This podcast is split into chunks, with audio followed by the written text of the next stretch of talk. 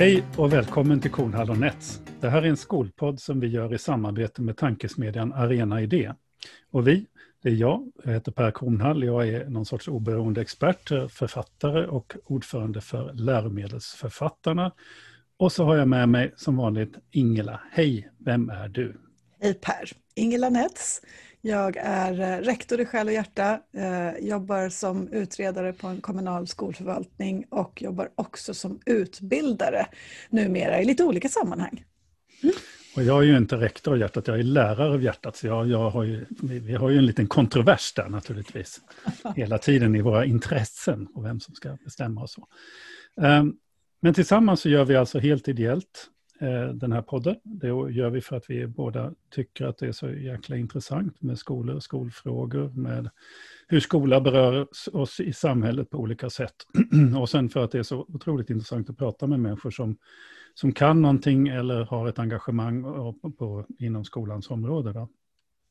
Och eh, med mig oss idag så har vi en gäst som jag är jätteglad att du är här och den vi har är, är Nihad Bonar Hej Nihad! Hej Per, hej Ingela! Hej! Och du är professor vid specialpedagogiska institutionen på Stockholms universitet numera. Du har jobbat väldigt, väldigt, väldigt mycket med migrationsfrågor på olika sätt, om segregation och utbildning. Och vi har ju setts i, i olika sammanhang genom åren och det har alltid varit, alltid varit lika eh, kul att träffa dig, för det finns alltid ett engagemang som bränner till. Eh, och det ska vi väl prata mer om, tänker jag. Då. Vill du säga någonting mer om dig själv så att du får en bättre presentation än, än den jag gjorde? Jo, nej, men det, jag är som du säger professor vid specialpedagogiska institutionen på Stockholms universitet. Eh, jag har arbetat inom akademin eh, ganska många år sedan 1997 faktiskt när jag blev doktorand och eh, har arbetat med frågor om migration och utbildning. Eh, också frågor kopplade till boendesegregation och hur det påverkar eh, utbildningen eller skolor som ligger i de områdena.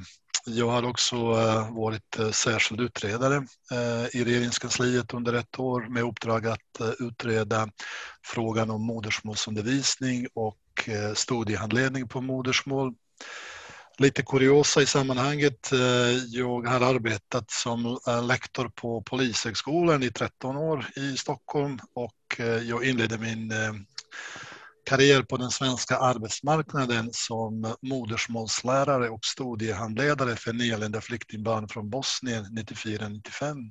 Mm. För det är ju en sak vi har med oss i det här samtalet, är att det, det här är ju ett ämne som du kan någonting om på alla möjliga olika dimensioner som, som själv, själv eh, kommande som flykting från Bosnien så har du ju, du har ju provat systemet från den änden. Samtidigt som du då har forskat på systemet på olika längder och bredder och så vidare. Och vi kanske kommer tillbaka till det. Vad är det som, som gör att du har valt att jobba med de här frågorna då? Jo, vi är ju alla produkter av våra historier, våra erfarenheter, men det är ju eh, ibland också slumpen som avgör hur hur det blir. Eh, jag, jag, har tillbringat hela mitt liv i skolan som, som elev, som student, som lärare, som eh, doktorand och forskare. Och frågor om utbildning har intresserat mig alltid. När, när jag ansökte om, om, eh, att bli doktorand, eh, då var det en fråga vad jag skulle jobba med. Det var ett forskningsprojekt som jag skulle knytas till. Eh, och då var jag intresserad av migrationsfrågor. Jag ville skriva något om migration Eh, och så tänkte jag, men gud, att koppla ihop frågan om migration med utbildning. Dessutom eh, var jag intresserad av frågor om boendesegregation. Precis som du säger, allt detta var ju en del av mina erfarenheter när jag kom till Sverige som flykting, som migrant. Eh, jag gick igenom en del av det svenska utbildningsväsendet för vuxna. Jag jobbade i grundskolan med, med, med barn och ungdomar. Och sen givetvis bodde jag i områden som folk sa till mig att hur kan du bo där? Det är ju inget bra område. Så jag tänkte, ja, eh, det här är ju eh, intressanta frågor rent vetenskapligt. Det är ju intressant eh, politiskt, intressant för samhället. Men också en möjlighet att ge mig vissa svar på frågor som jag hade undrat över ända sedan jag kom till Sverige. Hur kommer det sig att det är så segregerat? Eh, varför är det i skolan på det sättet? Varför pratar vi om eleverna, om vissa elever på ett visst sätt? Varför har vi den policyn och inte den? Eh, så att, ehm, ja, det var ju en, en, en, blandning av mina personliga erfarenheter, vetenskapliga intressen men också saker som jag tyckte var viktiga för hela samhället som jag ville arbeta med. Och eh, sen hade jag turen att eh, få en koppling till forskningsprojekt, väldigt duktiga handledare och eh, forskare som jag jobbade med och faktiskt lön för att skriva en doktorsavhandling vilket var ju en förutsättning, annars hade det nog inte funkat. Har du fått några av de där svaren? Varför det är som det är? Jag kämpar fortfarande. 20, vad blir det nu? 30 år sedan jag kom till Sverige. Jag kämpar fortfarande med vissa av de här frågorna. Eh, mm, vissa, vissa svar har jag fått. Eh, sen har det ju givetvis nya frågor dykt upp på vägen.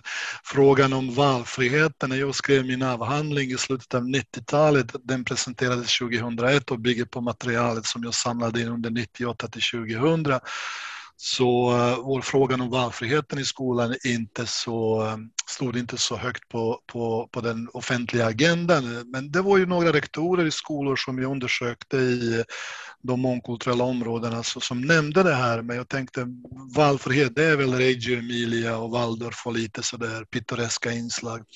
Men så insåg jag redan då att det här är ju en intressant fråga som kommer nog att påverka hur det ser ut för de här skolorna för lång tid framöver. Och det var därför jag hoppade på den frågeställningen om hur valfriheten påverkar skolor i mångkulturella områden i första hand och sen tittade lite, lite bredare. Så eh, om jag fick frågan på eh, hur det, varför det ser ut som det gör i vissa bostadsområden så var det ju nya frågor som dök upp som det här med valfriheten med eh, omflyttningen eh, eh, man kan inte säga staten gör ingenting, samhället gör ingenting, eh, utan det investerades ganska, ganska mycket under 00-talet. Jag var där och utvärderade storstadssatsningen till exempel och den nya urbana utvecklingspolitiken. Det var en hel del pengar som rullades in till de här områdena, men eh, de förmådde inte förändra grundstrukturen. Den som återskapar det ser ut som, som, som det gör. Och vad skulle behövas då för att förändra den grundstrukturen? Om vi tänker att det är en, en, liksom en, en nödvändighet för att få ett mer jämlikt samhälle. Ja, det är ju en uh, one million dollar question. uh, vad, vad, vad, är det som krävs? Alltså någonstans i den här senaste boken uh, som heter Barn och ungdomar i stadens olikheter som jag har skrivit med några några kollegor, där har vi tittat lite närmare på hur den sociala ekologin i några av de här områdena ser ut. Och vi använder oss givetvis av tidigare forskning, olika teorier, analytiska verktyg. Och jag blev väldigt förförd av eh, Loic Vacans teorier om avancerad marginalisering. Han har ju tittat på så kallade utsatta områden eller strukturellt missgynnade som vi kallar dem i Frankrike, USA jämfört och så vidare. Och hans tes är ju att eh, problemets orsaker anses vara olösliga. Det vill säga vi, vi, vi kan inte förändra det här utan det är ju som det är. Vad vi måste göra det är ju att se till att kompensera för eh, sämre utgångspunkter för barn och ungdomar som växer i strukturellt missgynnade områden. Så det är ju lite hans tes, det är ju avancerad marginalisering. Det har gått så långt att det helt enkelt eh, blir svårt att förändra Eh, problemets orsaker. Vi kan eh, kompensera, försöka ta hand om konsekvenserna, men det som alstrar grundproblemet är ju oerhört svårt. Och då kan vi titta på situationen i Sverige med boendesegregation. Sen jag började titta på det här vetenskapligt sedan 97 så har det tyvärr blivit bara sämre. Och då är det frågan, eh, vad kan vi göra åt det här? Poängen är ju att vi kan inte beordra folk var de ska bo. Det kan man inte göra i ett demokratiskt samhälle utan det är ju i grund och botten fråga om, eh, om medel, om pengar, om ekonomisk status, socioekonomisk status, eh, var, man, var man bosätter sig. Men bortom detta måste vi också ha en diskussion om eh, varför vi ser ner på områden där det bor många personer med migrationsbakgrund. Eh, det har jag tittat väldigt mycket på det med stigmatisering, eh, med gränssättande praktik, alltså hur vi inhägnar de här områdena både fysiskt genom våra praktiker men också genom olika typer av diskurser. Ehm, och, och, och, så växer barn och ungdomar upp under de här omständigheterna och vi blir gång på, gång på gång förvånade över oj varför säger de så, oj varför gör de på det sättet. Vi måste titta på uh, just den här grundstrukturen men att förändra det här genom några snabba, dessutom billiga politiska åtgärder Eh, är nog inte möjligt tyvärr. Det låter lite pessimistiskt men vi har ju försökt på olika sätt och vis men eh, jag är inte så optimistisk att det går att göra så snabbt. Det som däremot, eh, jag har varit ute i, i en del av de områdena de senaste åren, det man fäster stora förhoppningar vid eh, när det gäller grundstrukturer, att det ska kunna förändras, det är ju nybyggnation. Alltså att man bygger nya eh, områden, man förtätar, man utvecklar, man hittar lite ledig mark här och där och sen bygger man nya bostäder. Och eh, om jag hårdrar det lite så skulle jag vilja säga att eh, den eh, långsiktigt eh, bästa integrationspolitiken bedrivs inte av statsledningen och stadsledningen, det vill säga kommunala och staten, utan byggherrarna som letar efter ledig mark för att bygga bostäder. Och förhoppningen är ju att det ska bli en eh, socioekonomisk och även etnisk blandning så småningom. Någonting som i sig ska kunna förändra den här grundstrukturen, för det är ju egentligen det som, som, som krävs. Eh, så vi får se hur det blir där. Alltså det är så många tankar jag får när du eh, berättar. Också i, i, boken, det finns teman där i boken som handlar just om hur vi pratar om, om eh, de som bor i de mångkulturella områdena, sånt som jag tycker vi ska återkomma till. Jag tycker att den, för mig blev det ju någon sorts fokuspunkt här för någon vecka sedan som berör det och den, den problematiska eh, situation som vi befinner oss i. Det var ju den här bron mellan Ursvik och Bromma. Jag vet inte om du såg de tidningsartiklarna och hur hur Bromma-folket förfasade sig över att det nu skulle vara möjligt att ta sig. Nej, förlåt mig, från Tensta till Ursvik, så måste det vara. Eh, eh, eh, det, det rörde till det i huvudet, från Tensta till Ursvik. Eller Rinkeby. Jag kan inte geografin där ute. Och, och, hur de här då i, i Ursvik, så var det, alltså förfasade sig över möjligheten att ungdomarna från Tensta, Rinkeby nu skulle lätt kunna ta sig över till deras sida och markpriserna skulle sjunka. Och, dock. och man, man nämner alltså vilka fasansfulla brott som de här ungdomarna då skulle göra när, de då, när den här möjligheten för kontakt mellan de här två världarna för, skapas. För mig var det en förfärlig läsning. En så, hur folk kan vara så jävla obehagliga mot andra människor i samma land som befinner sig en kilometer bort. Jo, jo det, det här tror jag inte jag känner inte till det exemplet men eh, vi har ju både stött på det här många gånger i både forskningen, vi har kunnat läsa i, i tidningar om det här. Och det är någonting som vi kallar i den här boken för gränssättande praktiker.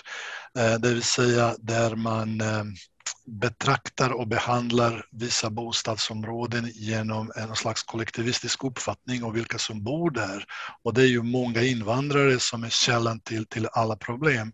Och det är det som retar också de ungdomar som vi intervjuar och det är ett hundratal i den här boken som säger varför måste jag ta ansvar och få konsekvenser för någonting som några andra invandrare i Sverige, behöver inte ens vara i bostadsområdet i Sverige gör. Ska vi stå till svars för det här? Och det är ju det här att man inte vill att man inte är behandlad som individ utan att man är behandlad utifrån hur, vilka, vilka negativa förutfattade meningar andra personer har om, om invandrare eller de som bor i, i vissa områden.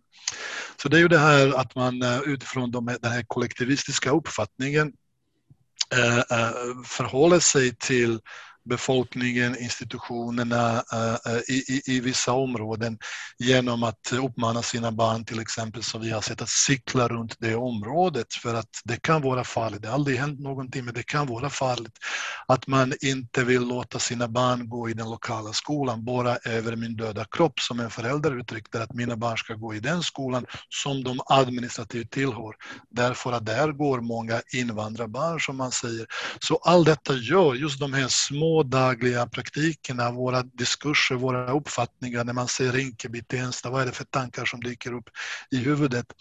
Eh, små praktiker, hur man positionerar sig, hur man pratar om ungdomarna där, om befolkningen där, om etniska, religiösa grupper där borta, gör att eh, områdena i praktiken blir allt mer inhägnade. Och när vissa ungdomar lever upp till de negativa föreställningarna och tänker varför är ni förvånade när vi eh, gör någonting för ni har väl väntat er från oss, eller hur? Va? Då blir det ju någon slags bevis för eh, eh, personer som bor i närliggande områden att vi hade rätt att skydda det friska och dra de här gränserna gentemot det som skapar problem. Så det är just de här relationerna som är oerhört viktiga, framförallt områden som, som, som ligger väldigt nära Eh, om, det, om det är strukturellt missgynnade områden som ligger väldigt nära andra Eh, medelklassområden eh, eller villaområden eh, och, och, liknande. Och jag, jag, skriver där i boken någonstans att ja, det ligger nära till hands att anklaga medierna att det är de som sprider, sprider negativa rykten om vissa bostadsområden och det är negativa diskurser. Jo, det är ju en mediedramaturgi med skjutningar, bilbränder, poliser och så vidare och det är ju reella problem. Vi måste erkänna det här. Det kan vi kanske återkomma till. Men eh, för mig är det större problemet eh, just hur eh, samhället, vi andra förhåller oss till de här områdena, deras invånare, ungdomar, skolor och så vidare och vad vi gör, hur vi positionerar oss.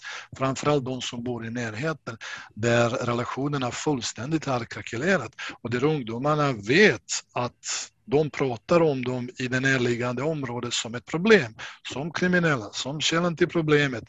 Ni, ni säger att vi eh, självsegregerar oss, men ni har tagit era barn ur de lokala skolorna. Ni säger att vi talar dålig svenska, men ni har tagit era barn ur de lokala skolorna och låter dem inte komma till fritidsgården. Så jag menar, var ligger problemet? Det är det som vi försöker göra också i den här boken och jag har försökt göra det i en del av min forskning det är att rikta den kritiska blicken mot, mot omgivningen för vi kan aldrig förstå segregationen och de segregerande mekanismerna om vi bara tittar på vad som händer i vissa bostadsområden som uh, har uh, uh, fått stämpeln segregerade, missgynnade och, och så vidare. Vi måste lika, lyfta blicken mot uh, närsamhället för det är ju i de här relationerna, det är ju där det skapas och återskapas. Det som vi sen politiskt försöker lösa med ett par miljoner i olika satsningar. Såna här, jag blir så nyfiken, sådana här alltså gränssättande praktiker som du pratar om, är inte det ett, ett liksom gammalt fenomen? Alltså statarlängor och arbetarkvarter och liksom, är det, och, och jag, nu kanske jag är ute och cyklar, men är, är det en fråga om, om ras och rasism eller är det en fråga om, om klass och, och socioekonomiska förutsättningar och status? i det här liksom sorterandet som, mm. som människor gör. Går det mm. ens att liksom prata om det på det viset? Eh, eh, både och, eh, ska jag säga, både ja och nej. Eh, låt mig förklara.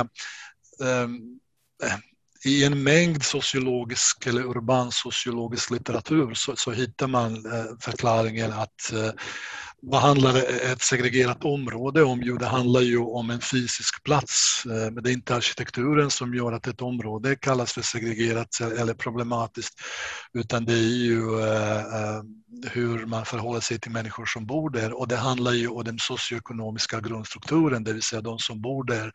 Vad är det för utbildningar, vad man har arbete och så vidare. Det som har tillkommit i Sverige när vi pratar om de här områdena och i relation till den historiska bilden kring arbetarkvarter och liknande, det är den symboliska eh, dimensionen som har med etnicitet och eh, migration att göra. där idag, eh, och det vet vi såg när vi pratade med, vi intervjuade 57 tjänstemän i de här områdena och från tidigare litteratur, att det huvudsakliga problemet handlar om att det är många invandrare. Hade det inte varit för många invandrare hade inte vi haft de här problemen. Alltså det, det är ju så man reducerar och sen pratar man ju om det är så, socioekonomiskt, och det finns ju rasism och så vidare. Men eh, grundproblemet är ju eh, att det är ju så många invandrare här och detta i sig ger upphov till en mängd andra problem. Det är den huvudsakliga förklaringen. Men segregationen handlar inte bara om ett område uppfattas vara skilt från resten av samhället på olika sätt. Utan det handlar ju också att inom vissa stadsdelar eller inom ett område område så kan det ju finnas eh, en gata. Där bor de, det är ju det, det segregerade. Sen har vi också sett att inom eh, strukturellt missgynnade områden skapas ju också olika typer av uppdelningar mellan olika eh, grupper, framförallt områden som har varit mångkulturella under många, många år. Är det rasism och, och, och diskriminering?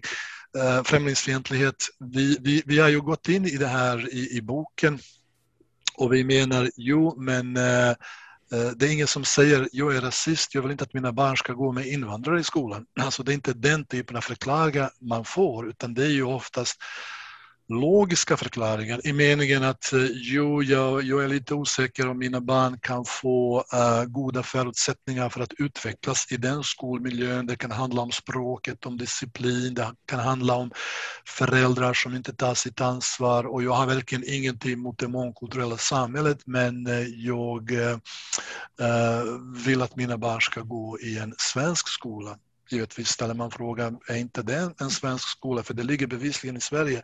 Nej, du, du vet vad jag menar, det är alltid sådär.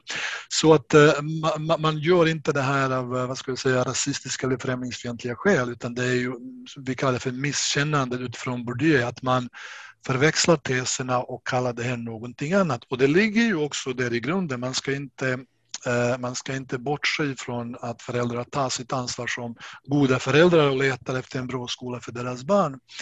Men eh, det likväl återstår det faktum att man väljer bort en skola eh, med hänvisningen i grund och botten att det är många invandrare där. Och just det här individuella ställningstagandet på skolmarknaden, gräns, gränssättande praktiker där leder till att situationer i de skolor varifrån man plockar ut sina barn, um, den blir sämre. Eh, och det blir ju en fördjupning eh, av, av, problematiken där. Och så säger man efter några år, kolla vilken dålig skola det är, jag hade rätt för att jag plockade ut mina barn. Men hade du och 40 procent andra som gjorde det eh, haft era kvar barn, eller barn kvar där, då hade vi inte haft den situationen förmodligen, eller definitivt inte. Men då säger man oftast att jo, men jag är bara en eh, god förälder och jag måste se till mina barn, alla andra ska få göra det. Och då är vi inne i frågan, jo det får man göra, men vad är det för strukturer, möjligheter eh, samhället tillhandahåller för att man ska kunna utöva ett gott föräldraskap. Eh, då är hela diskussionen om valfriheten och liknande. Ska vi ha det som vi har haft det hittills eller ska det ändras? Förmodligen, men det går inte att ändra på grund av den politiska situationen och, och så vidare. Så att ja, det är ju en, en kort, eh, ett kort svar på din fråga. Det, är, eh, det handlar om socioekonomiska grunder men eh, eh, vi kan inte plocka bort etnicitet, religion, eh, migration från vilka länder, eh, plocka bort det från ekvationen. För då skulle vi ha en annan situation om det var en fattig svensk arbetarklass, svensk i meningen svensk etnicitet. Då hade vi haft en annan situation idag. Kanske på 50-talet var det något liknande, men idag hade det varit annorlunda. Så det, är ju så här, det här är ju otroligt spännande egentligen och det är också spännande vilka vi kallar för invandrare, att vi överhuvudtaget har det språkbruket. För ibland är ju det här människor vars, vars morföräldrar kom hit eller hur? De är så svenska som, som, som någon annan kan vara överhuvudtaget. Och dessutom har vi hela bredden av, av, om vi nu ska prata etnicitet, så har vi ju inte eh, två etniciteter. Vi har inte etniciteten invandrare och etniciteten svensk. Mm. Utan vi har ju en, en, en, liksom en, en, en uppsjö med olika kulturer och kulturella, eh, och det är också bland de som kallar sig svenska, eller vad man ska säga. Men bara det språkbruket är ju, är ju skitintressant. Just nu kommer jag att tänka på en sak som jag inte har tänkt på. Som är så, det finns en del lustigheter i det här och det är ju att många av de här föräldrarna som väljer bort den här invandrarskolan väljer att sätta sina barn där de undervisas av invandrade lärare. Alltså engelskspråkiga mm. lärare av invandrare. Det är faktiskt invandrare som undervisar deras barn på en del av de där privata skolorna. Så det finns liksom ingen, mm. det finns ju naturligtvis ingen logik eh, i botten i det här, utan det är något annat. Men det jag tycker är intressant med er bok är just att ni belyser mm. att vi pratar på det här viset är ett problem i sig. Som vi kanske behöver diskutera mycket mer än vad vi har gjort. Det är det, jag ska bara säga det här. Jag, jag tror inte att man har problem, alltså många av dem vi träffar och, och, och eller träffat i olika sammanhang. Jag tror inte att man har problem med eh, någon som kommer från ett annat land i sig, utan det är ju i det här fallet vi pratar om så handlar det om eh, en en ett otydligt kollektiv, eh, eh, många invandrare på ett ställe som uppfattas alstra allehanda problem eller kan komma att alstra problem för mig och min familj, mina barn i framtiden. Så det är det, det, är det man, man opponerar sig mot, inte att ens barn går i, eh, i ett klassrum där det ju 20-30 procent barn som har ett annat modersmål än svenska. Jag tror inte att det det finns ju säkert de som har problem med det också, men jag tror inte, jag vill inte tro att det är det som är huvudproblemet. Utan när, eh, när eh, det här otydliga kollektivet, många invandrare börjar komma nära en, bostadsområdet, skolan, förening, som vi har ju sett i fotbollen också ibland, då blir det det här, vad händer nu då? Eh, hur ska det gå? Eh, är det här bra? Så att det är ju någon slags otydligt hot som man vänder sig emot och försöker nu rösta med fötterna oftast istället för att vara kvar och försöka förändra någonting. Någon slags medborgerlig plikt. Eh, och det är precis som jag nämnde i inledningen, det är precis det ungdomar som växer upp i strukturellt missgynnade områden vänder sig emot. Att de blir kla, kla, klassificerade som en del av det här otydliga kollektivet. Och de blir urförbannade på det och säger, men eh, varför ska inte du döma och bedöma mig efter mina individuella egenskaper, mina handlingar, inte var jag bor, vilken skola jag går i, eh, eh, vilken religion jag har, jag, jag kanske är ateist, eller vilken hudfärg jag har och så vidare. Det är just det här otydliga kollektivet. Sen om det här med, med begreppen, det har du helt rätt i. Eh, vi använder i boken genomgående begreppet eh, barn och ungdomar med migrationsbakgrund. Eh, för vi menar att det här med invandrarelever som jag hör våra politiker nämna mer och mer. Jag har bara lust att fråga vilka elever menar ni? Menar ni nyanlända? invandrare, för det, då pratar vi om en, om en grupp elever som har särskilda utmaningar i den svenska skolan. De är nyanlända, många av dem är flyktingar, kanske har inte gått i skolan, kan inte svenska, kanske har inte utvecklat skriftspråk. Den typen av utmaningar, det finns ju möjligheter. Det är någonting som vi måste, måste hantera. Vad menar ni med invandrarelever? Återigen klumpa ihop allting i, i en grupp. När vi, när vi pratar om migrationsbakgrund, vi menar att migrationen är en sån definitiv händelse i, i, en, i en familj att det kan komma att påverka flera generationer rakt nedstigande led kan, behöver inte göra det. Men eh, du behöver inte känna samhörighet med eh, farfars eh, hemland. Men din hudfärg eller din, ditt namn kan vara ett skäl att andra kategoriserar dig och säger men var kommer du egentligen? Ja, ja men du vet. Så det är ju det här att det, man, vi, vi kan säga att vi är svenskar men din identitet måste, identitetsartikulation måste få bekräftelse av omgivningen. Att du själv har kommit fram till hur du känner är ju jättebra men det måste få bekräftelse från omgivningen. Det är därför ungdomar i de här områdena inte säger att de eh, känner sig som svenskar eh, även om, det, om, om, de, om deras deras föräldrar var ju födda i Sverige. Varför inte då? Jo, för att alla skulle skratta åt dem och säga vadå, du är väl inte svensk? Eh, eller vill du bli svensk, wannabe svensk som är lite sådär eh, skämtsamt och, och lite nedlåtande uttryck i, i, i, vissa, i vissa områden. Så att eh, jag tycker att vi ska låta ungdomarna fritt välja eh, sin identitet eh, och att omgivningen inte ska se ner på när någon säger ja, jag känner mig som svensk. Vad annars ska du känna dig som när dina föräldrar var ju födda här? Man kanske aldrig varit utanför Sverige hela sitt liv. Så har du den identitetsartikulationen, det får vara tillåtet. Men eh, det ifrågasätts, det förlöjligas och det blir problematiskt. Inte minst för att vi har hundra miljoner olika begrepp för de här ungdomarna.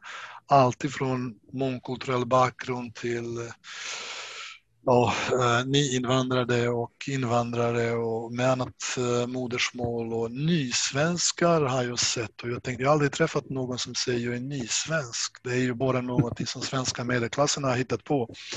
För invandrare, om vi ska prata i de termerna, men ingen, ingen som kommer från utlandet säger jag är nysvensk.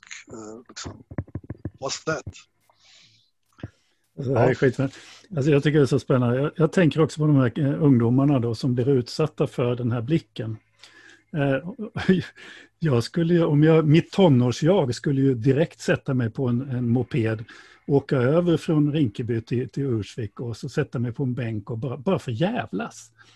Jag menar, det, det måste ju föda en hel del alltså, sådana eh, reaktioner och det har jag full förståelse för. Men vi kanske inte ska fördjupa oss i det. Men en, en sak stör mig också, alltså, stör mig lite grann är ju bilden av, säga, man ser på, om vi säger så här, vi tar den här svensken som då, svensken, som, eller den som då sätter sina barn på en skola där man har eh, en, en utländsk lärare då, som undervisar på engelska. Och så har vi då i klassen också, som du säger, andra internationella barn och det ser man inte som ett problem.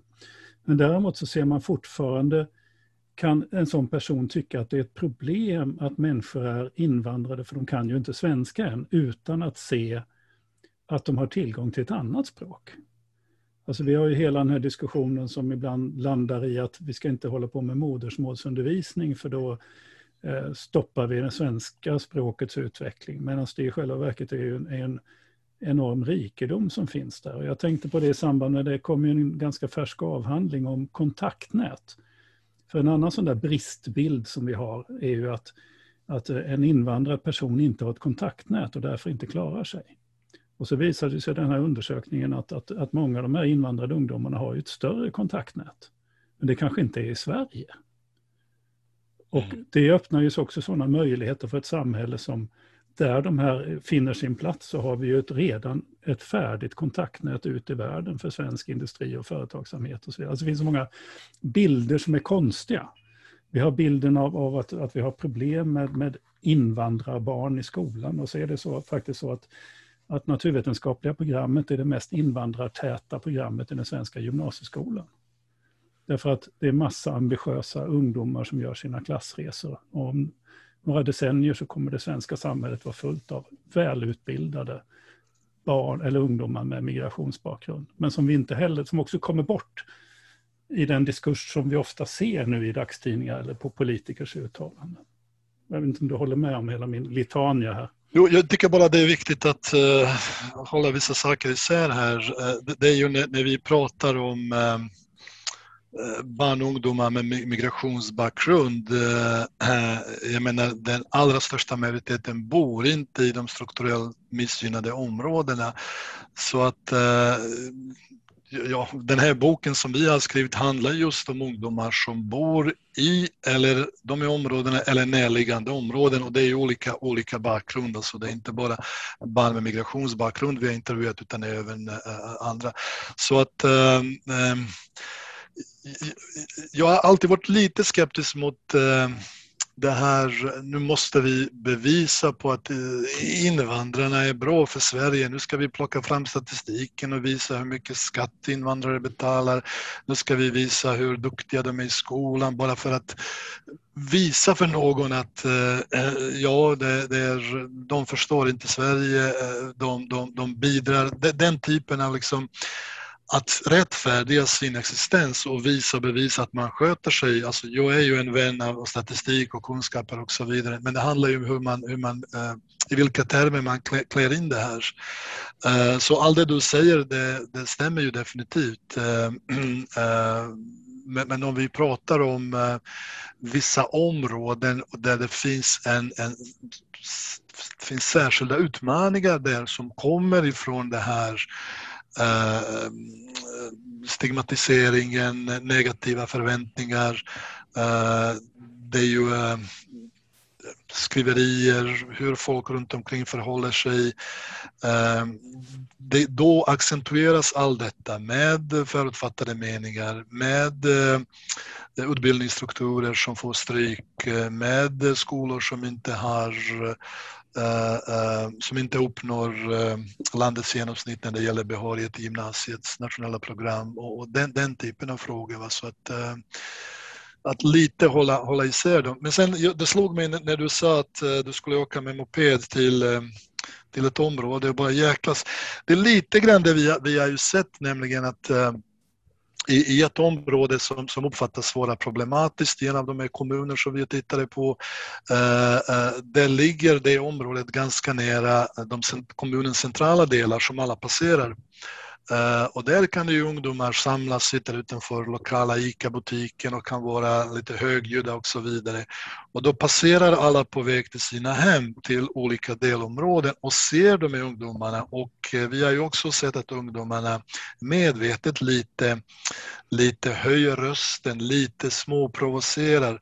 Lokala bibliotekarien som vi intervjuade säger, jo de kommer hit och det kan lite böcker åka ner på golvet. De bara kommer hit drar ut böcker, eh, skriker någonting och springer iväg innan, innan eh, eh, väktarna kommer. Så då säger bibliotekarien, vad har vi gjort? Är du med? Så liksom, vad har vi på biblioteket gjort? Du vet, liksom snällaste personer man kan tänka sig, tystaste platsen man kan tänka sig och, och nu kommer de hit och skapar problem för oss. Vi har ju föreslagit här att dra, dra igång ett par mö möten mellan ungdomar i strukturellt missgynnade området och vuxna från närliggande svenska medelklassområden. Och där man eh, tar dit ungdomarna så får de berätta hur det känns när de blir anklagade för att stå för alla problem i kommunen. Hur det känns när alla ser att de är rädda för dem. Här pratar vi om 13, 14, 15-åringar som inte är kriminella. Det finns ju kriminella också, det är en annan historia. Men det är ungdomar som, som sitter där. Hur det känns när man plockar ut deras eh, klasskamrater eller presumtiva klasskamrater med hänvisning till att ni finns ju på den skolan, därför vill inte jag ha mina barn där. Att de berättar hur det känns. Men också att bibliotekarien kommer dit och berättar hur det känns att stå där handfallen med skammen när de här ungdomarna börjar skapa problem. Varför blir de vuxna rädda för ungdomarna? Eh, alltså lite sådär, jag ska inte säga att det handlar om ett gigantiskt kommunikativt missförstånd, men eh, varför inte, om det finns ju så intensiv diskursproduktion på båda sidorna, de ligger ju ganska nära varandra, varför inte göra det? Va? Så får vi se vad, eh, vad de vuxna skulle säga när ungdomarna, jag säger läs vår bok vad de säger och sen bjud in dem. Låt ungdomarna berätta hur det känns att bli oskyldigt anklagade för att stå för alla problem. Hur det känns för en 13-åring eh, vars klasskamrater inte tillåts gå i hans eller hennes skola för att du finns där. Det är det jag eh, det, det, är billigt och möjligt att göra den typen av relationsskapande så att vi åtminstone till viss del drar mattar under de här gränssättande praktikerna. I, I boken så ger ni ju en del andra konkreta tips. En sak som fastnade i mitt huvud var att eller beskriva, om jag minns rätt, så ungefär beskriver det som att vi är ganska, nu lämnar vi lite grann den här övergripande frågan, utan mer mm. konkret hur man jobbar i ett, i ett utsatt område.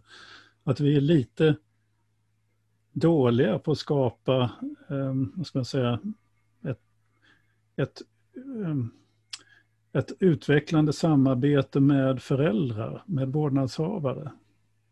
Och att vi, vi jämfört med andra länder liksom inte har utvecklat sådana praktiker på skolorna. Det där vart jag nyfiken på.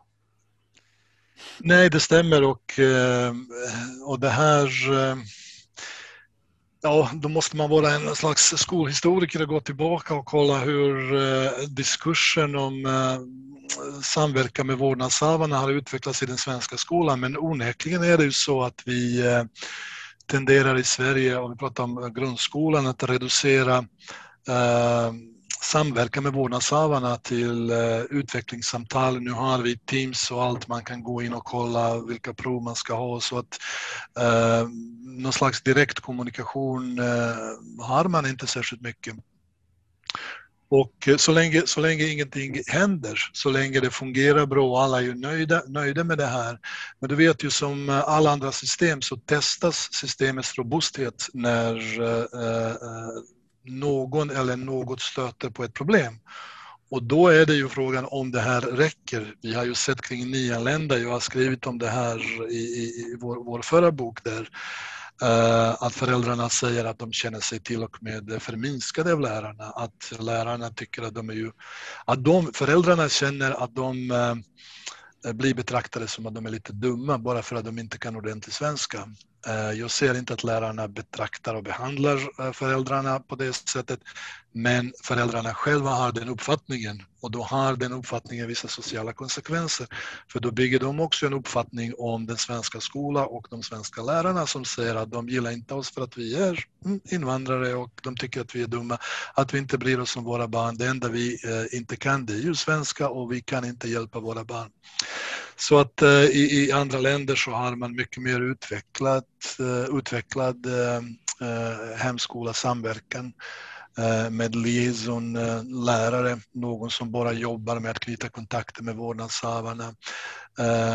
Här, om jag förenklar det lite, så tenderar vi att kalla in föräldrarna bara när det uppstår ett problem. Inte att säga vad tycker du vi skulle kunna utveckla på den här fantastiska skolan, utan, nej, utan ditt barn har gjort si, ditt barn har gjort så, eh, då måste ni prata med honom eller henne hemma och så vidare. Eh, och föräldrar med, eh, med migrationsbakgrund, det finns ju en historia av ansträngda relationer där inte minst i strukturellt missgynnade områden har det ju under många år pågått någon slags kamp om body and soul mellan elevernas body and soul mellan, mellan lärarna och mellan föräldrarna där lärarna under många år tänkte att jo, du vet, de har en konstig kultur hemma. När de kommer till skolan så måste vi liksom tala om för eleverna att nu är ni i Sverige, så här är det ju här egentligen. Medan man hemma tycker att eh, ja, ja, men lyssna inte på allt vad de säger utan vi tänker så här. Alltså den typen av, av diskursiva konstruktioner av varandra, eh, då får eleverna alltid betala högsta priset för det här i slutändan. Men ja, där finns, det återstår en hel del att göra här, eh, framförallt med att inkludera föräldrar som likvärdiga partners i samarbete med skolan. Det är de ju inte idag. Eh. En, en eh, möjligtvis en annan bara vinkel på lite samma samma diskussion. Vi hade Anna Kaja som gäst i programmet för ett tag sedan. Ehm, hon är ju någon sorts skolans go-to-person när det gäller framförallt SVA-undervisning och, och, och, undervisning av nyanlända elever. Ehm, och, och vi liksom reflekterade kring det faktum att hon i så många år gång på gång på gång på gång får precis samma frågor från lärare, från liksom skolsystemet. Så. Hur ska vi göra? Hur ska vi undervisa i SVA och vad ska man tänka på? Hur ska vi organisera oss och sådär. Som att den kunskapen som ju trots allt finns hos dig, hos henne, hos många, många människor liksom, och hos väldigt många praktiker ute i verksamheten inte riktigt fastnar i systemet.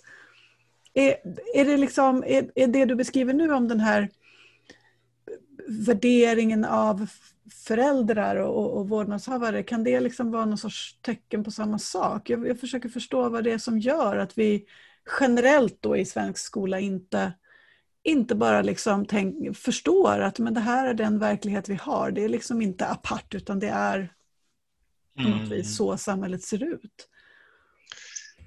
Det är det ju det, men jag, jag tror att i, åtminstone i vissa områden så äh, mognar sakta men säkert insikten fram om att äh, det är så här det ser ut. För jag, jag minns tidigare under 00-talet när jag var i ett antal av strukturellt missgynnade områden gjorde utvärderingar och forskning. Eh, då var det ju pratet om, eh, jo bara svenskarna kommer tillbaka så fixar vi det här. Nu, nu, nu är det ju så att eh, vi ska ha någon profil och så ska barn från Östermalm, det var till och med vissa politiker som pratade om det här. Jag var med i tv-program med vissa politiker som säger vi ska ha valfrihet för att barn från Östermalm ska kunna komma till Rinkeby 2005 2006 det finns ju på nätet tror jag, då säger liksom att det kommer aldrig att hända. Ja, nej, det var jag, jag som hade fel, du vet. Eh, så den politikern är borta sedan länge, men systemet är kvar som eh, bland annat hon och liknande har skapat. Va? Eh, och de politikerna försvinner, de har vissa ideologiska skygglappar och de försvinner, men systemet är ju, är ju kvar. Systemet som bygger på felaktiga grunder. Och det är det här som har retat mig alltid lite, att man inte verkligen vill eh, se bortom sina egna ideologiska eh, Eh, eh, eh, postulat, alltså ideologiska premisser. Jag tror att det, det, det är ju det här. Så det, det, det, är politiskt, men sen eh, jag, jag tror just det, jag tror att eh, nu, nu finns det en insikt om att ja, de, de kommer inte tillbaka. Vi, vi måste rikta blickarna mot de elever vi har. Vi måste bli bättre på att förstå vilka behov våra elever har. Det är oerhört viktigt med tidiga insatser, någonting som jag också nu tittar på, eh, tidiga insatser. Men också att eh, grunden för tidiga insatser måste bygga på eh, genomtänkta strategier, inte att eh, ja, belägga barn som inte behärskar svenska med, med, diagnoser till höger och vänster utan att vi verkligen förstår vad det här handlar om så att vi kan sätta in rätta, eh, rätta insatser. Så att vi, vi är inne, inne i, i, vissa områden i alla fall eh, inne på insikten att eh, ja, vi har de elever vi har, vi har de utmaningar vi har, vi behöver pengar från, från samhället och vi behöver hjälp men sen ska vi, och vi behöver mindre stigmatisering och mindre press bli kallade för dåliga skolor, bli kallade för underpresterande, eh, hotas med att eh, tas över av staten, eh, tvångsförvaltas. Liksom, vem ska tvångsförvalta en kommunal skola? Skolinspektionen? Vad vet de om det? Du, du, vet den typen av frågor som, som, som lärare i mångkulturella skolor vänder sig mot och undrar vart det lutar. Men man har de elever man har och man jobbar med dem. Eh, så att man har ju slutat liksom hoppas på att eh, det ska bli någon, någon, blandning här och detta i sig ska, ska, ska fixa eh, hela problemet med segregationen. Om inte nybyggnation, åtminstone i vissa områden, luckrar upp det här. Sen det här med vad som fastnar och inte fastnar. Jo, det har jag också själv eh, funderat många gånger. Eh, jag har varit runt och föreläst om nyanlända utifrån min eh, forskningssammanställning som kom 2010 och sen boken 2015. Till slut skämdes jag när folk ringde och sa nej, jag, jag har sagt det här, alla vet det här. Va? Då säger de, vi, vi, vi har aldrig hört det här tidigare. Och så kommer jag dit och berättar om någonting som, som jag har som, som jag skrev för länge sedan, som jag har berättat om i flera år och så säger man vi har aldrig hört det tidigare.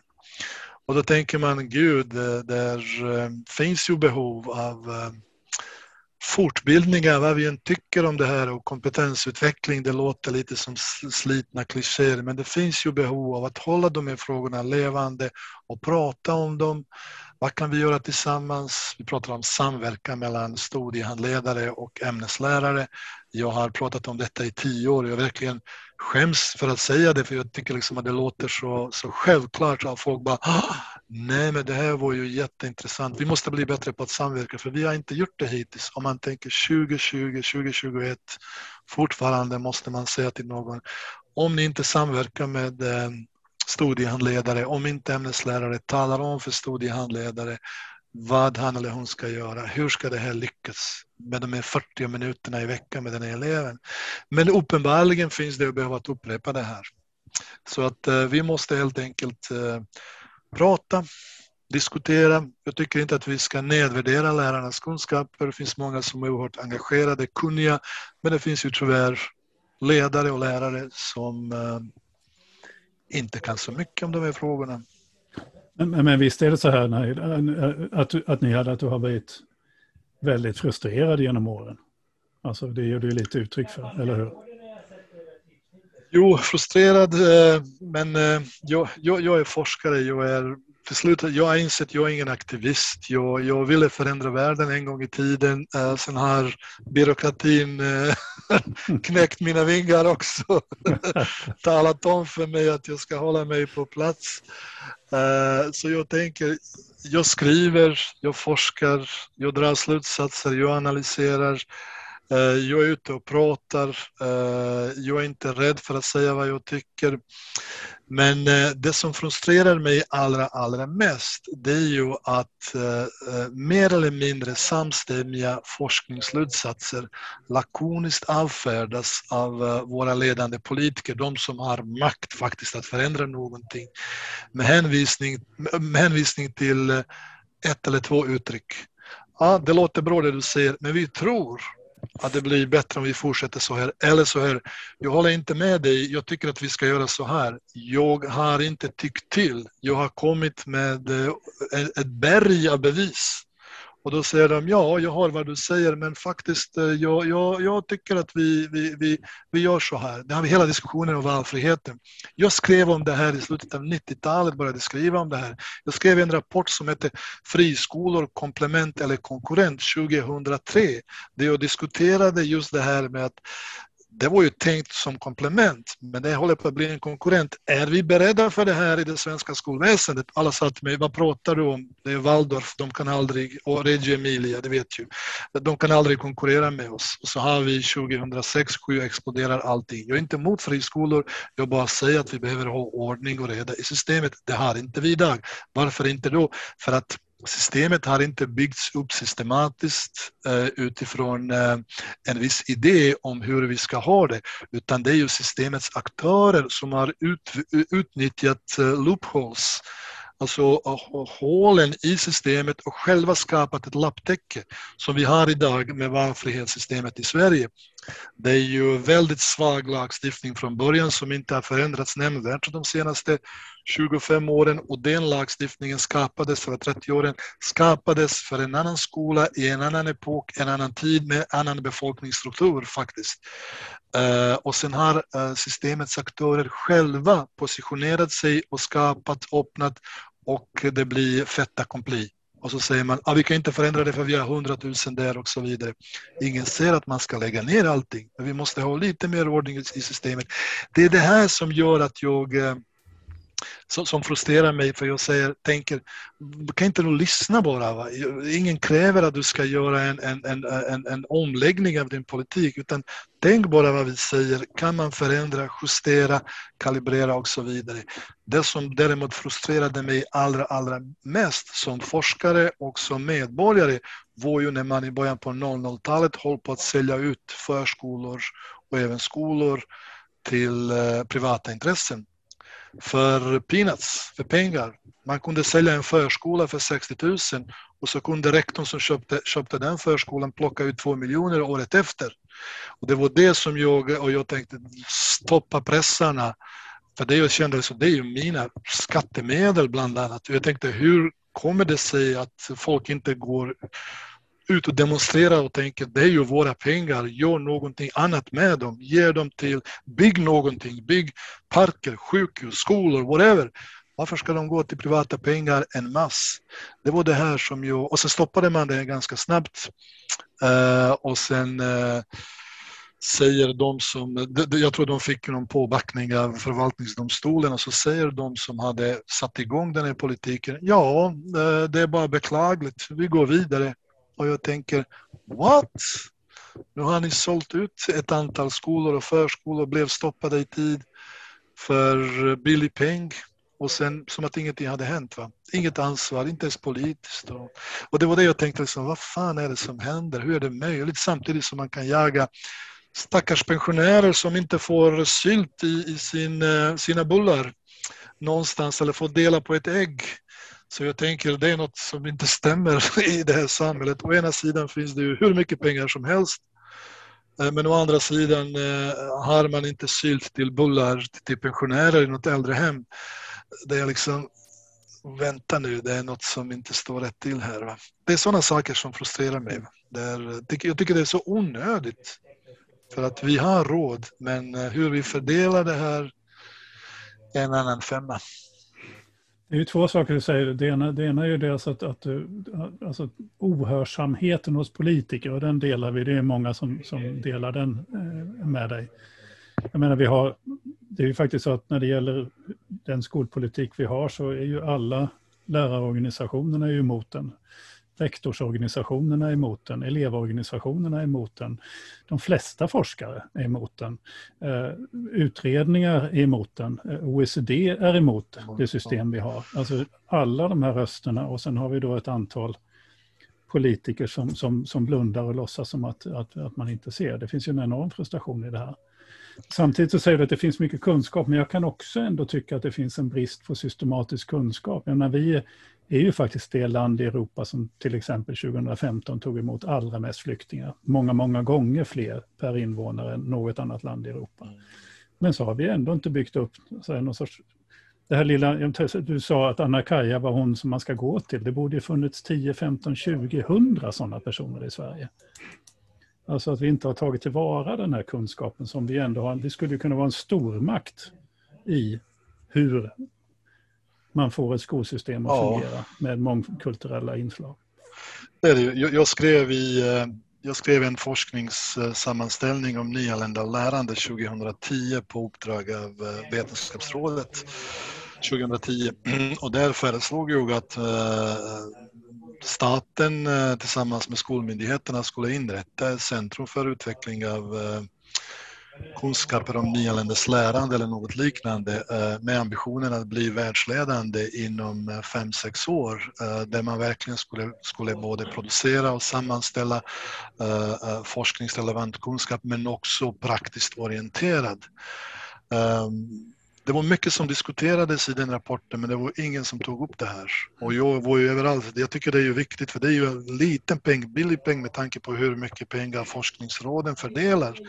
Bland annat till, till olika forskningsprojekt inom det här området. Men det bara rinner ut i sanden. Så vi måste bli bättre också på att tidigt eh, identifiera viktiga, eh, samhällsviktiga områden Eh, och satsa, satsa på att bygga upp en, en ordentlig kunskapsbas så att eh, när katastrofer som vi haft med pandemi nu eller kriser inträffar att vi har någonting att falla tillbaka på. Eh, 2015 var det ju alla som ringde mig säger kan du komma och prata om hur nyanlända, vi har aldrig haft nyanlända, nu har vi två bussar som kom hit.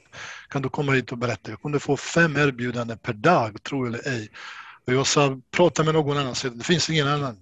Eh, Kaja och, andra. Men, men eh, det menar jag är ju, är ju också lite senfärdigheten i, i, eh, och trögheten i systemen, i hur Vetenskapsrådet fungerar. Jag var oerhört förbannad på dem för 2015. Jag ville ha forskningsmedel. Jag kan inte forska på min fritid för om inte jag forskar då måste jag undervisa. Då kan inte jag vara ute. Då, då sökte jag medel för att titta på vad gör vi nu? Eh, november, december 2015, januari och så vidare. Alltså när, när de här ungdomarna kommer, vad gör vi? Nej, det var ju liksom, eh, ja din metod skulle kunna utvecklas ytterligare, du vet ju. Eh, och jag, eh, jag gick ut i medierna och sa att de stoppar huvudet i sanden. Och så fick jag medel året efter. Men jag tänkte, jag skulle ha behövt det då.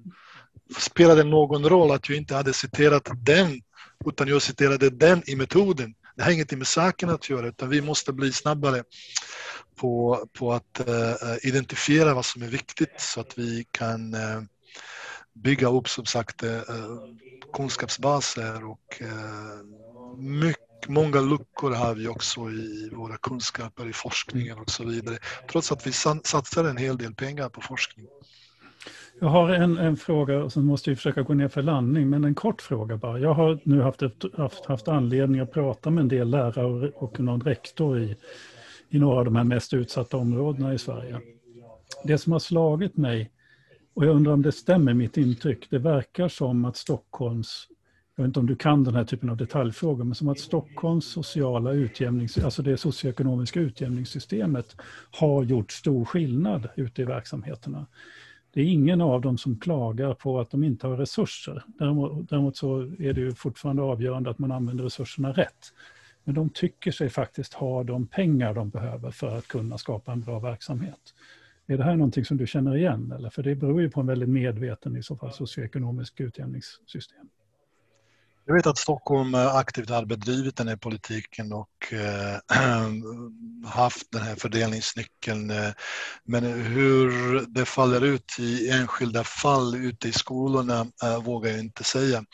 Jag gjorde det misstaget en gång i min karriär att jag på en konferens, äh, för där satt ju 150 lärare, sa att eh, just det där som du sa till mig, jo, nu har jag tittat på statistiken och jämfört och jag tycker att ni har tillräckligt med medel. Och då blev det ju alldeles tyst i det rummet och sen var det ju bara frontalangrepp som alla hade exempel att hon, hon har fått mindre, assist, de har fått färre assistenter och det var ju någonting som drogs in, för du vet ju det. Och då sa jag, jag kommer aldrig mer att säga att skolor har tillräckligt med pengar. Jag kommer alltid att säga att skolor behöver mer resurser. Inte bara för att jag vill hålla mig väl med lärarna utan jag tycker att hur man än vrider och vänder sig utan resurser kommer vi inte någon vart. Vi behöver eh, välutbildade lärare. Vi behöver assistenter, studiehandledare, modersmålslärare, bra elevhälsa, speciallärare, specialpedagoger. Men precis som du säger Per, det handlar ju också om eh, hur pengarna används. Sen kommer vi fram till en röd linje där, där pengarna inte längre spelar någon roll. Att man inte kan förändra uh, om man inte satsar 500 miljoner på en skola med 200 elever så de får ju liksom privatundervisning, eh, om jag överdriver lite. Det vill säga att, eh, att de pengarna eh, inte spelar någon roll i det stora hela. Då måste vi tänka oss, vad gör vi nu då? Är det dags att lägga ner den här skolan och se till att eleverna går någon annanstans? Vad är problemet? Eh, om vi har haft utvärderingar och tycker att ledningen fungerar, lärarna fungerar, men att helt enkelt kontexten inte tillåter någon utveckling här. Det har, gjorts.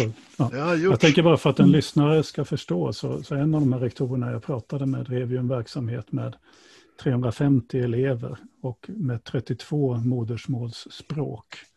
Eh, så. Eh, men med väldigt, väldigt bra resultat. Men hon hade också råd att anställa en logoped. Hon hade faktiskt ett ordentligt elevhälsoteam. Hon hade ett, ett, ett bra system. Hon tyckte att hon kunde bygga eh, ett, ett system som så att säga fungerade. Men var ju naturligtvis ändå bekymrad över situationen och att, att med skolvalssegregation och sånt som ju påverkar deras verksamhet i allra högsta grad. Men de kunde i alla fall jobba med de resurser de har. Men jag skulle vilja avsluta med ett citat. Jag skulle vilja ha din kommentar för att vi måste sätta en punkt någonstans.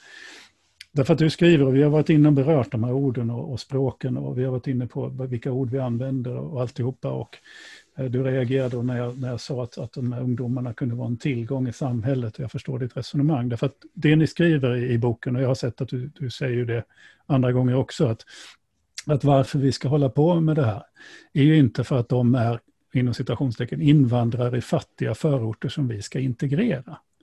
Utan för att vi i samhället, både politiskt, ideologiskt, juridiskt och moraliskt har åtagit oss och lovat att de ska få en likvärdig skola och lika chanser som alla andra, oavsett vilka föräldrar de har, var de bor, vilken skola de går, att kunna uppnå sina drömmars mål.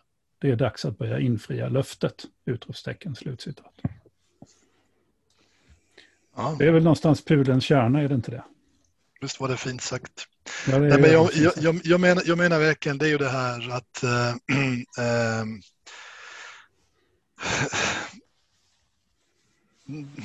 jag vill bort från viktimiseringen. Jag vill bort från eh, stigmatiseringen.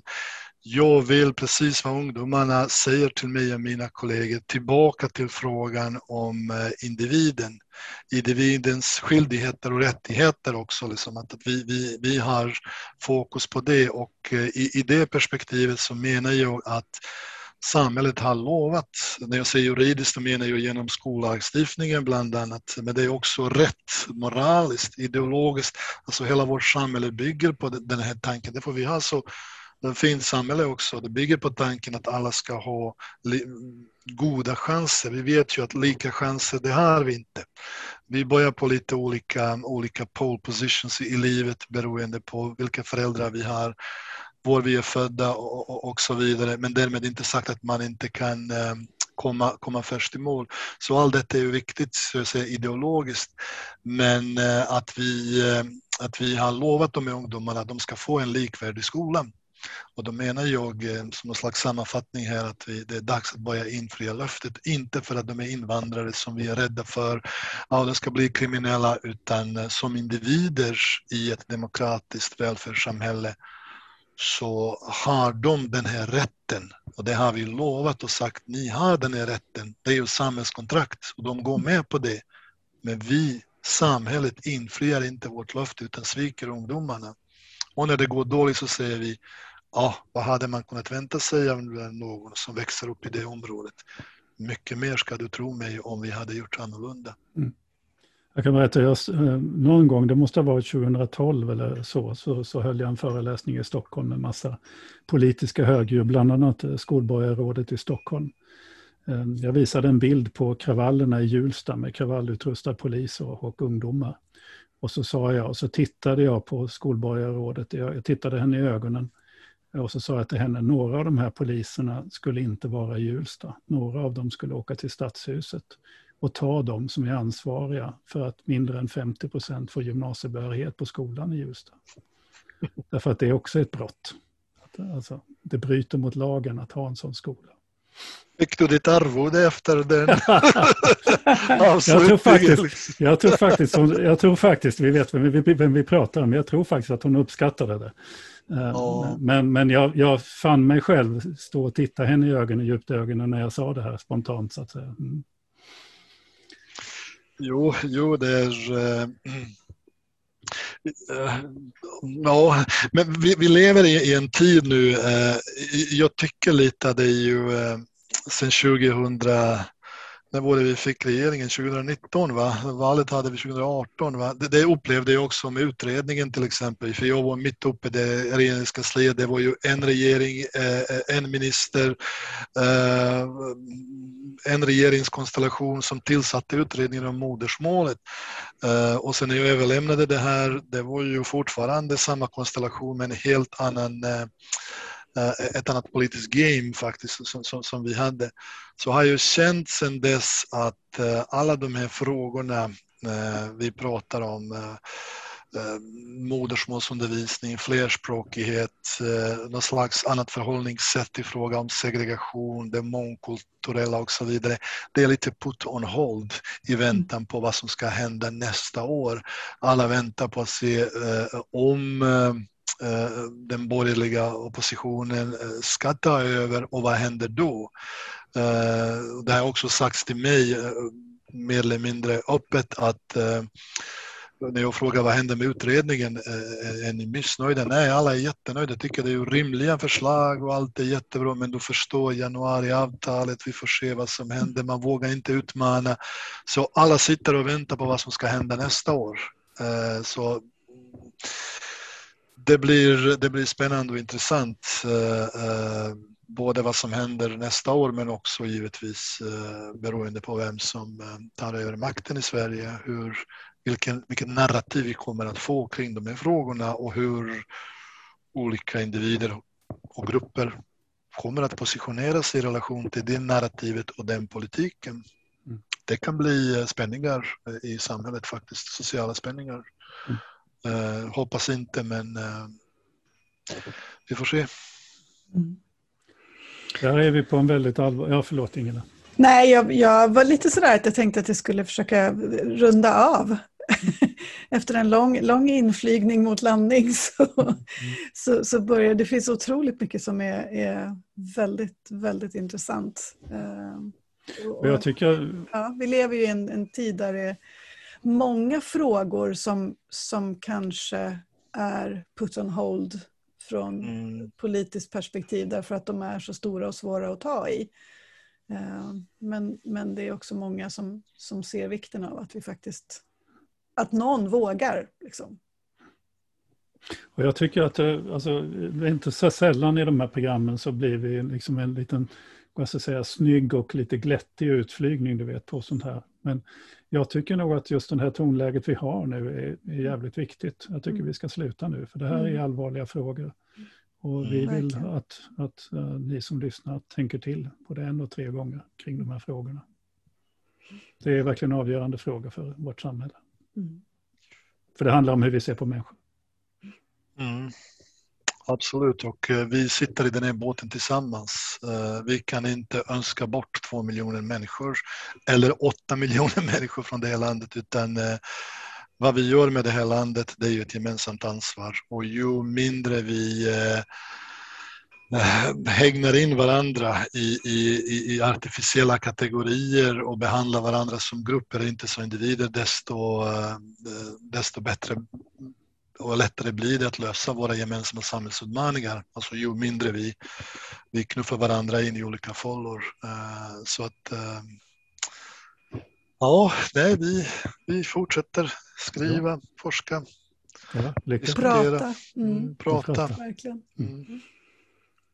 Så är det. Mm. det jag pratade med en gammal, eh, en gammal klok, eh, han var gymnasieråd på utbildningsdepartementet för länge sedan. Han sa att vi kan göra underverk, sa han. Och så hade han en lång konstpaus och så tittade han upp på oss och så sa han, men det tar tid. Och så berättade han lite historier om hur idéer de hade haft hade tagit, hade boxats mot den ena eller pressats mot den ena regeringen efter den andra för att till slut kunna bli etablerad politik. Men det tog lång, lång tid. Ja, ja. Men vi slutar där. Mm. Tusen, tusen tack Nihad för din tid. Verkligen, otroligt. Du sa innan vi, innan vi drog igång så var du lite så här, ja, jag vet inte om, om vi kommer att ha något att prata om, om det blir intressant nog. Nu vet vi, det blev det, definitivt. Oerhört Ja, det, intressanta frågor.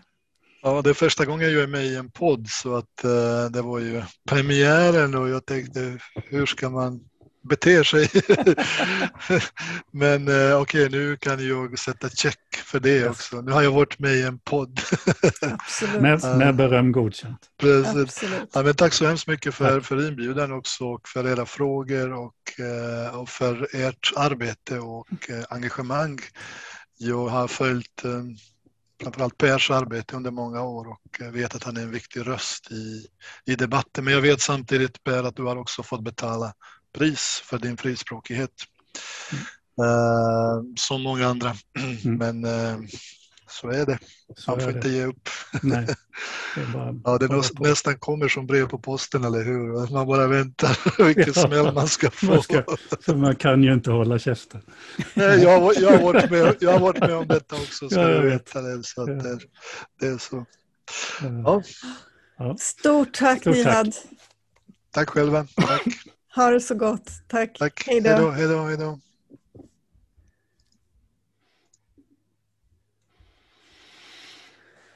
ja, Ja, du förstår varför jag ville bjuda in honom. ja absolut. Verkligen. Och jag, ja, ja, men, eh, jag tycker att det här allvaret är bra.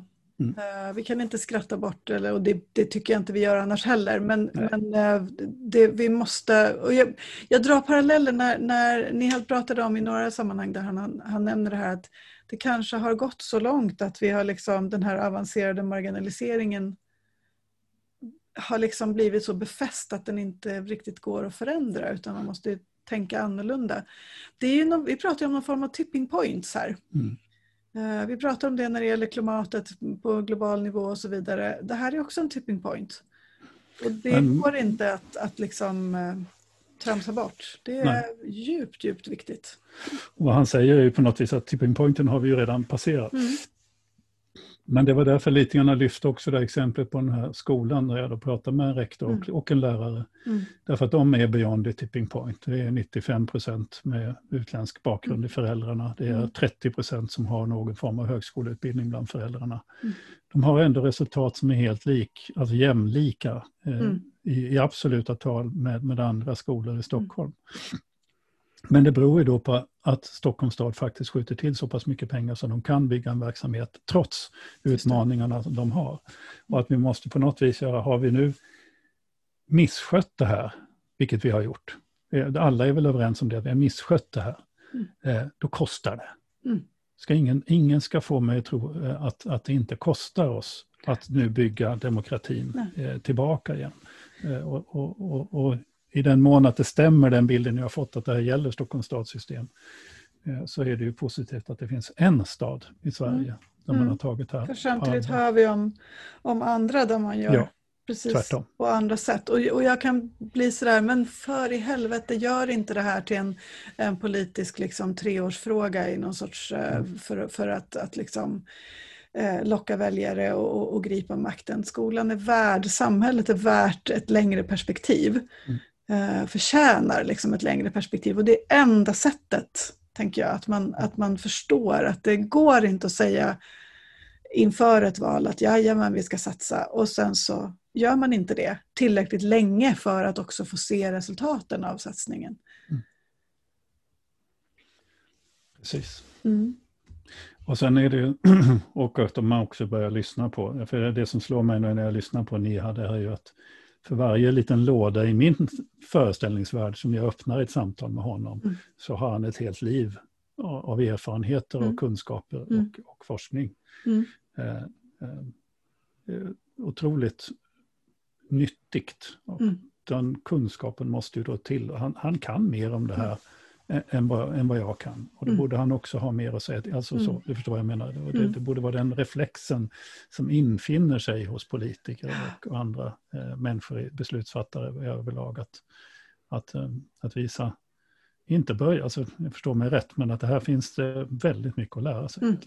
Vi, får, vi får göra en Greta, lyssna på forskningen. Mm. Lyssna på forskarna. Sen behöver man inte göra som de säger, men man ska i alla fall börja med att verkligen lyssna på dem. Ja. För vi pratar så ofta om det här vikten av att ha korrekta data att fatta beslut utifrån i skolans värld och i mm. vårt systematiska kvalitetsarbete. På, på övergripande maktnivåer så är det också ett systematiskt kvalitetsarbete man gör och då måste, måste man också veta att man har relevanta data. Men då vet du väl vad den gamla skolverksgeneraldirektören Per Tullberg skrev om utvärderingar av statens skolreformer att han skrev att fram från 1995 till 2000, vad det nu var, 12 eller när det var, kom, hans utredning kom, så kunde de inte hitta ett enda exempel på att staten hade utvärderat någon av sina skolreformer. Så att man ställer visst, man ställer kravet på, på dem mm. ute i verksamheten, mm. på dig och på lärarna, inte mm. minst lärarna som mm. ska, ska sitta, sätta bockar och, och sätta betyg och, och det ska rapporteras vad det ska ha sig. Mm. Men hela, hela landets skolsystem, där var det ingen som brydde sig om att följa med. Ja, det är sånt som kan mm. göra mig Ja, nu får vi slå näven i bordet lite här. Ja, sluta. Ja. ja. För i det här avsnittet. Eh, för du har just lyssnat på ett avsnitt av Kornhall och Nets och det är en skolpodd som jag och Ingela gör i samarbete med tankesmedjan Arena Idé. Och vi är alltså, det är jag Per Kornhall och så är det Ingela Nets. I varje avsnitt så intervjuar vi en eller flera personer vars kunskaper, position eller arbete vi tycker är intressant för den svenska skolan. Om du har någon önskegäst eller det finns frågor du vill att vi belyser, hör av dig till oss. Du hittar våra kontaktuppgifter där du hittade den här podden. Vill du inte bara ha oss i öronen utan också i ögonen så finns det en videopodd på Arena Idés hemsida och Facebook-sida. Med det så säger vi tack för nu och vi hörs snart igen. Hej då! Hej då!